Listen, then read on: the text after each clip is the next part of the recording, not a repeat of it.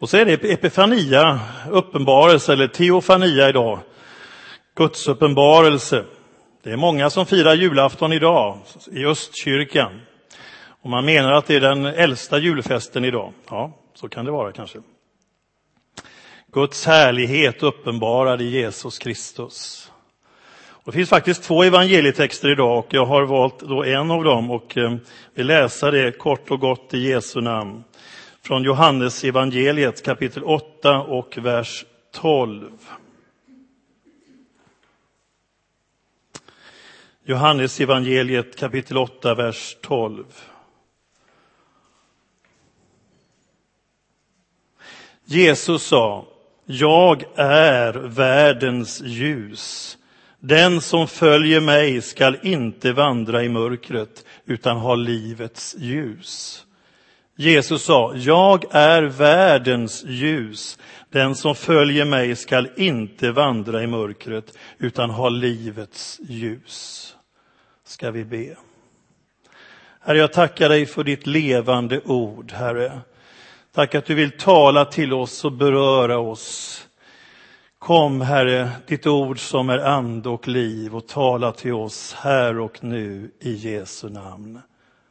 Amen. Jag är världens ljus, säger Jesus. Det mäktiga gudsnamnet jag är. När Mose frågar, vem är du? Jag är den jag är, säger Gud i den brinnande busken. Jag är. Det är det orden Jesus säger, jag är. Och jag är världens ljus, säger Jesus. Den som följer mig ska inte vandra i mörkret utan ha livets ljus. Det här säger Jesus precis när lövhyddhögtidens sju dagars och en extra dags festlighet är över. Den som man firade till åminnelse hur Gud hade lett dem genom ökenvandringen, Guds beskydd och Guds ledning. Och ni vet att Gud ledde dem en molnstod om dagen och en eldstod om natten, så kunde de tåga både dag och natt. Och Guds närvaro var lika påtaglig och verklig som när man vandrade när det var ljust och när man vandrade när det var mörkt. Det är också en symbolik för våra liv. Ibland är det bara ljust, ibland är det också dödsskuggans dal. Men Guds närvaro var där. Han ledde dem så att de kunde tåga både dag och natt, står det. Och det här påminner man sig om i den här festen. Och så tände man de stora ljusstakarna i kvinnornas förgård varje kväll och under natten så lyste de och syntes över hela Jerusalem. Och så gladde man sig, man sjöng och man dansade natten igenom. För den här festen var en speciell fest där Gud säger att på den ska ni vara glada i sju dagar. Ja, jag har hört från eh, judar att det var den krångligaste festen för det var så besvärligt att vara glad i sju dagar. Ja, det krävde lite energi. Men det är naturligtvis mycket enklare, eller hur, att vara glad i sju dagar än att vara sur i sju dagar. Har ni prövat det någon gång? Jag har försökt, men jag klarar inte att vara sur i sju dagar. Det är jättejobbigt. Glädjen kommer lite naturligare. Sen finns det ju saker i våra liv som kan vara svåra, så det är inte det jag säger. Men visst är det så. Någon som, jag kan inte säga exakt, men jag har fått lära mig i alla fall att, eh, att le, det går åt en 12, 13, 14 muskler i ansiktet.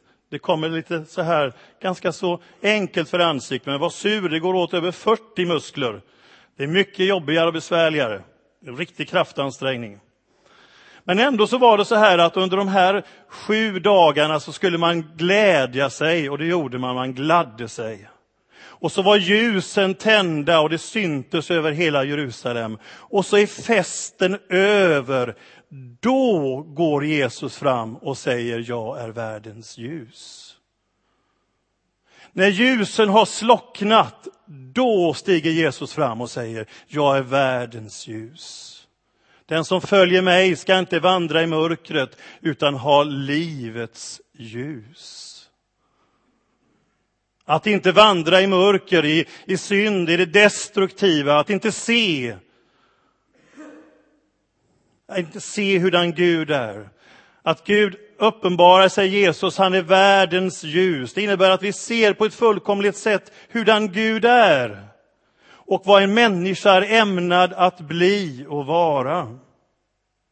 Och så dramatiserar kan man säga, så han väldigt tydligt gestaltar det. Om du läser vidare i Johannes evangeliet så botar Jesus en blindfödd man i kapitel 9 och han säger han är värd, jag är världens ljus. Och så demonstrerar han det genom att en blindfödd man får sin syn och ser. Och det är ju ett underbart under för den mannen, men det är också en symbolik och att ögonen öppnas och man ser. Man ser vem Gud är, man ser hur han har tänkt för våra liv. Och så säger Jesus, den som vandrar, följer mig, ska inte vandra i mörkret utan ha livets ljus. Och jag har vandrat på mörka vägar och stigar i Afrikas djungel. Det kan bli riktigt mörkt. Inga gatljus eller någonting kan vara becksvart och då gäller det att följa den som har ficklampan eller fotogenljuset. Man måste hålla sig nära, annars så går man vilse bland lianerna och det är inte roligt. Det finns mycket som man kan snubbla på där i djungeln. Man får hålla sig nära ljuset. Och så säger Jesus, han är världens ljus, inte bara för vissa, någon viss grupp, utan världens ljus. Och Jesaja har profeterat, låt oss läsa vad Jesaja skriver. Välkänt som vi har läst i juletid och passar idag, Jesaja 9. Dock natt skall inte förbli där nu ångest råder. I det förgångna tiden har han låtit Sebulons och Naftalis land vara ringa ansett. Men i framtiden ska han låta det komma till ära, trakten ut med havsvägen, landet på andra sidan Jordan, hedningarnas område. Det folk som vandrar i mörkret ska se ett stort ljus. Över dem som bor i dödsskuggans land skall ett ljus skina klart. Du ska göra folk folket talrikt, du ska göra dess glädje stor. Inför dig ska de glädja sig som man gläds under skördetiden. Det är folk som vandrar i mörkret. Och så profeterar han i kapitel 49 och vers 6 och säger, jag vill sätta dig till ett ljus för hedna folken för att min frälsning må nå till jordens ända. Och i kapitel 42 så profeterar han och säger så här, vers 3 och vers 8, och, eller vers 6 och 7. Ett brutet rör skall han inte sönderkrossa, en tynande veke skall han inte utsläcka, han skall i trofasthet utbreda rätten. Jag har satt dig till ett ljus för folkslagen, för att du må öppna blinda ögon och föra fångar ut ur fängelset, ja, ur fångenskapen, de som sitter i mörkret. Och så kommer Jesus, han är världens ljus, han förkunnar ett nådens år från Herren, glädjens budskap för de fattiga, frihet för de fångna och så vidare. De goda nyheterna, evangeliets budskap. Ett brutet rör skall han inte sönderkrossa, en tynande veke skall han inte utsläcka. Det ordet demonstrerar Jesus precis innan det här uttalandet. När ljusen har släckts i templet och han träder fram och säger jag är världens ljus, så händer en sak precis innan som gestaltar detta. Ett brutet rör skall han inte sönderkrossa, en tynande veke skall han inte utsläcka. Vad är det som händer precis innan? Jo, det kommer några människor, de äldste och några andra religiösa ledare, och har ertappat en kvinna som begick äktenskapsbrott. Och man kommer släpandes med henne fram till Jesus och säger att lagen säger att sådana här ska stenas. Vad säger du? Och då säger Jesus de här förunderliga orden till dem. Han skriver något i sanden, man vet inte vad. Och så säger han, den av er som är utan synd, han kastar första stenen.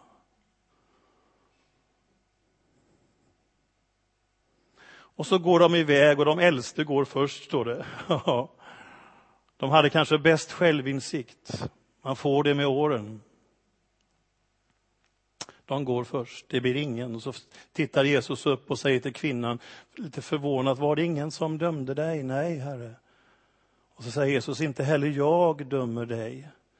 Gå i frid och synda inte mer.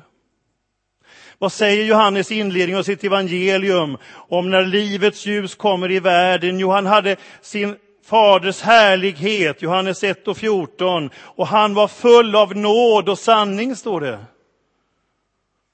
Inte heller jag dömer dig, full av nåd. Gå och synda inte mer, full av sanning. Och så gestaltar han Jesajas ord, att ett brutet rör skall han inte sönderkrossa, en tynande veke skall han inte utsläcka. Om vi bara skulle få nåd utan sanning om våra liv så vore det obarmhärtigt. Vi var utelämnade och vilsegångna. Om det bara var sanningen om våra liv som vi mötte så vore det också obarmhärtigt. Var skulle vi ta vägen någonstans? Ingen vill ju att sanningen om ens liv ska köras på storbild här, eller hur? Men han är full av nåd och sanning. En nådig och barmhärtig Gud. Och det kommer till ett sånt starkt uttryck, om man bara får avvika från det här sammanhanget, när rövaren på korset, jag har ju nämnt om det förut, vill göra det igen, när han bara säger till Jesus, tänk på mig när du kommer i ditt rike. Och så säger Jesus de förundliga orden, idag ska du vara med mig i paradiset. Han kunde inte göra ett smack där rövaren var på korset fastspikad. Inte göra någonting för att förbättra sin situation. Han bad om en tanke och så säger Jesus, du ska vara med mig. Den frälsningsmöjligheten, mina vänner, finns inte i någon annan religion. Helt otänkbart i islam, hinduism eller vad du vill. Den finns bara hos Jesus. För när han kommer som världens ljus och visar vem Gud är, så är det en Gud som är full av nåd och sanning. De säger till de sten...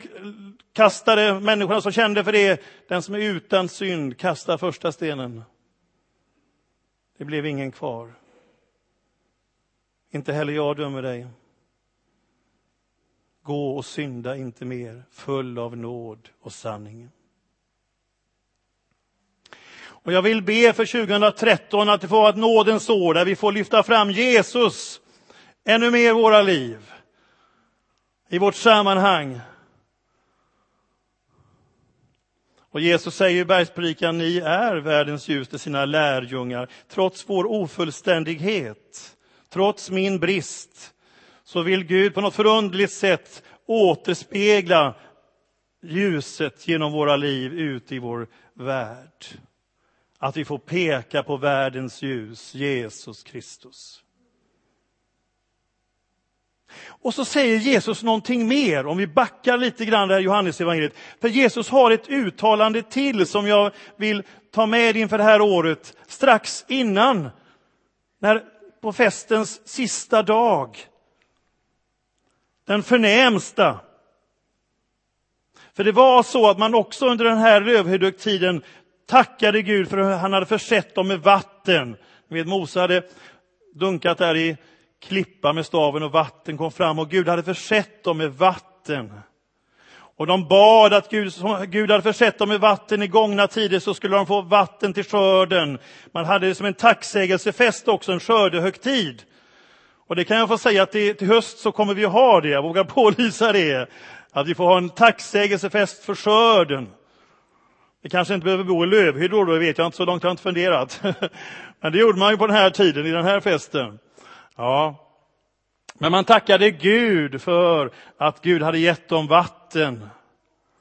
Och så gick prästerna varje dag de här sju dagarna till Siloadammen och hämtade vatten. Och så öste man ut över brännoffersaltaret. Men på den åttonde dagen, den förnämsta dagen, extradagen, då hade man inte det här.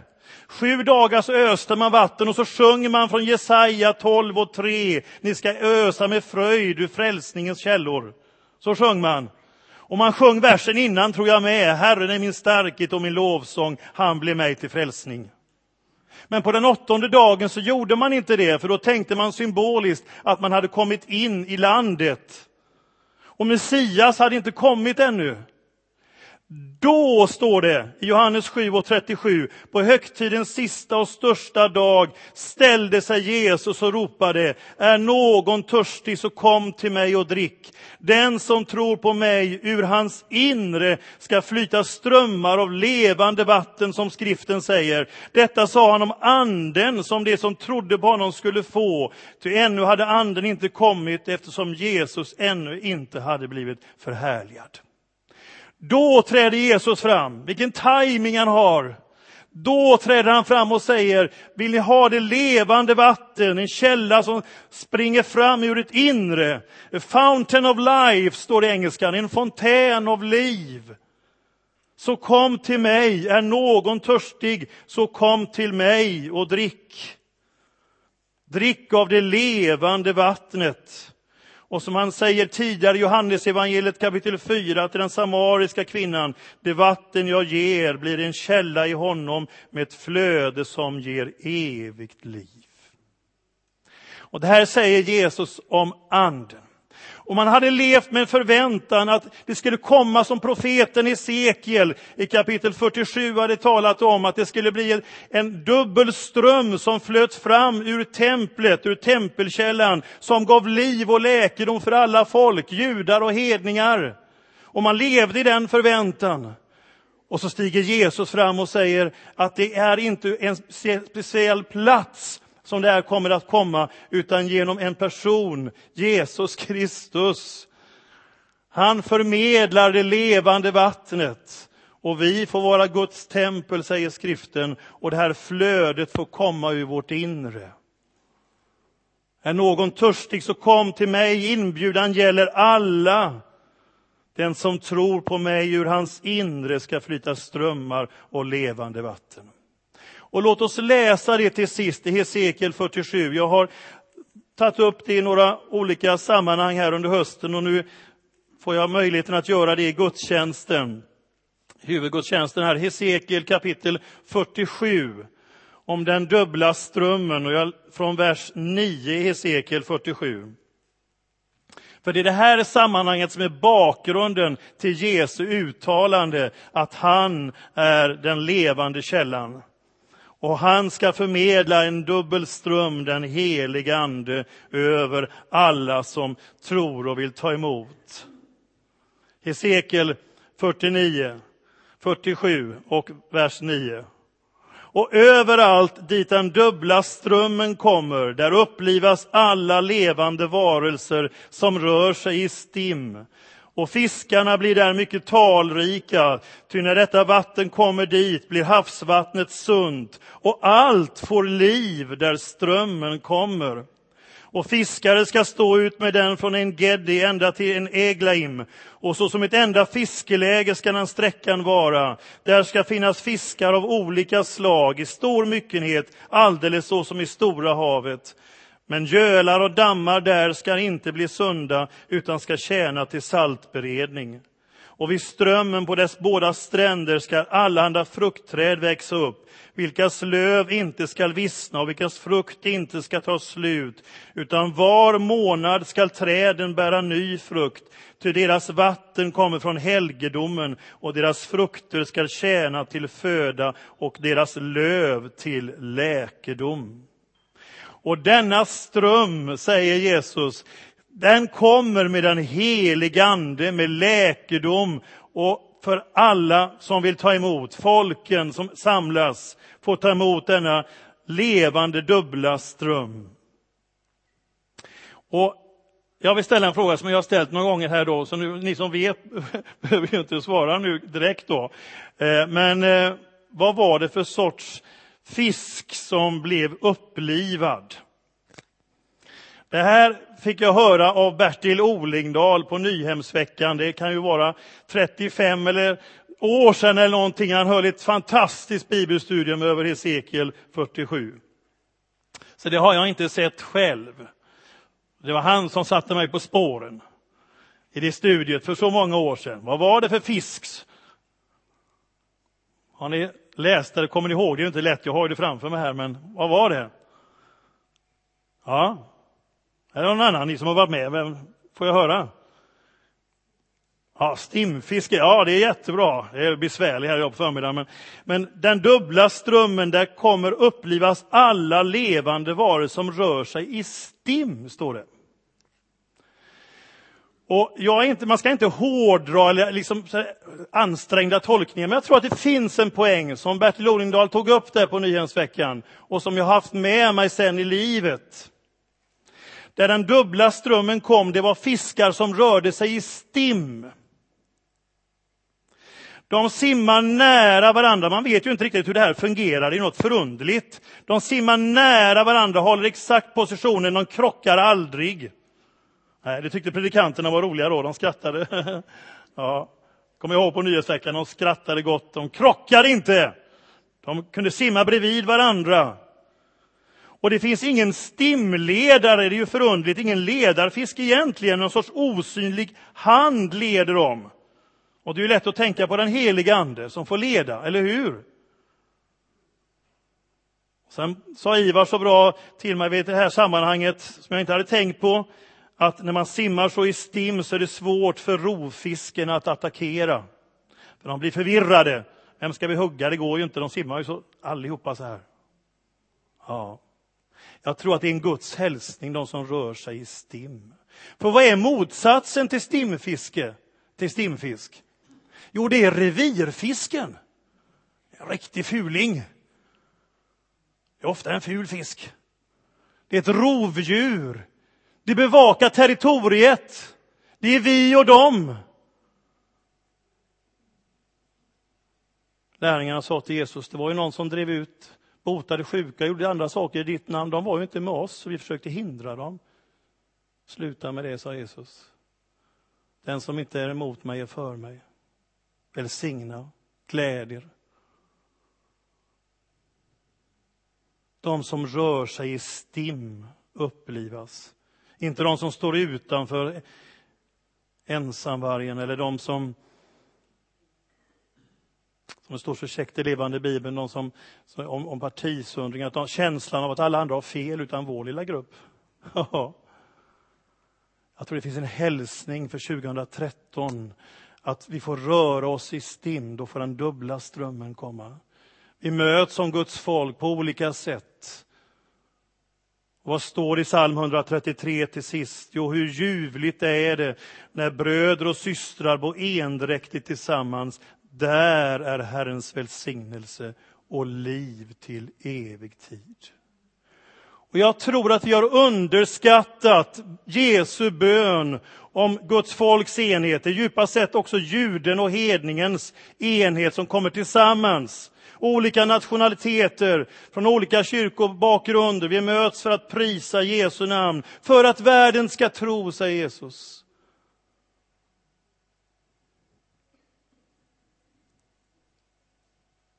Och överallt dit den dubbla strömmen kommer, där upplivas alla levande varelser som rör sig i stim.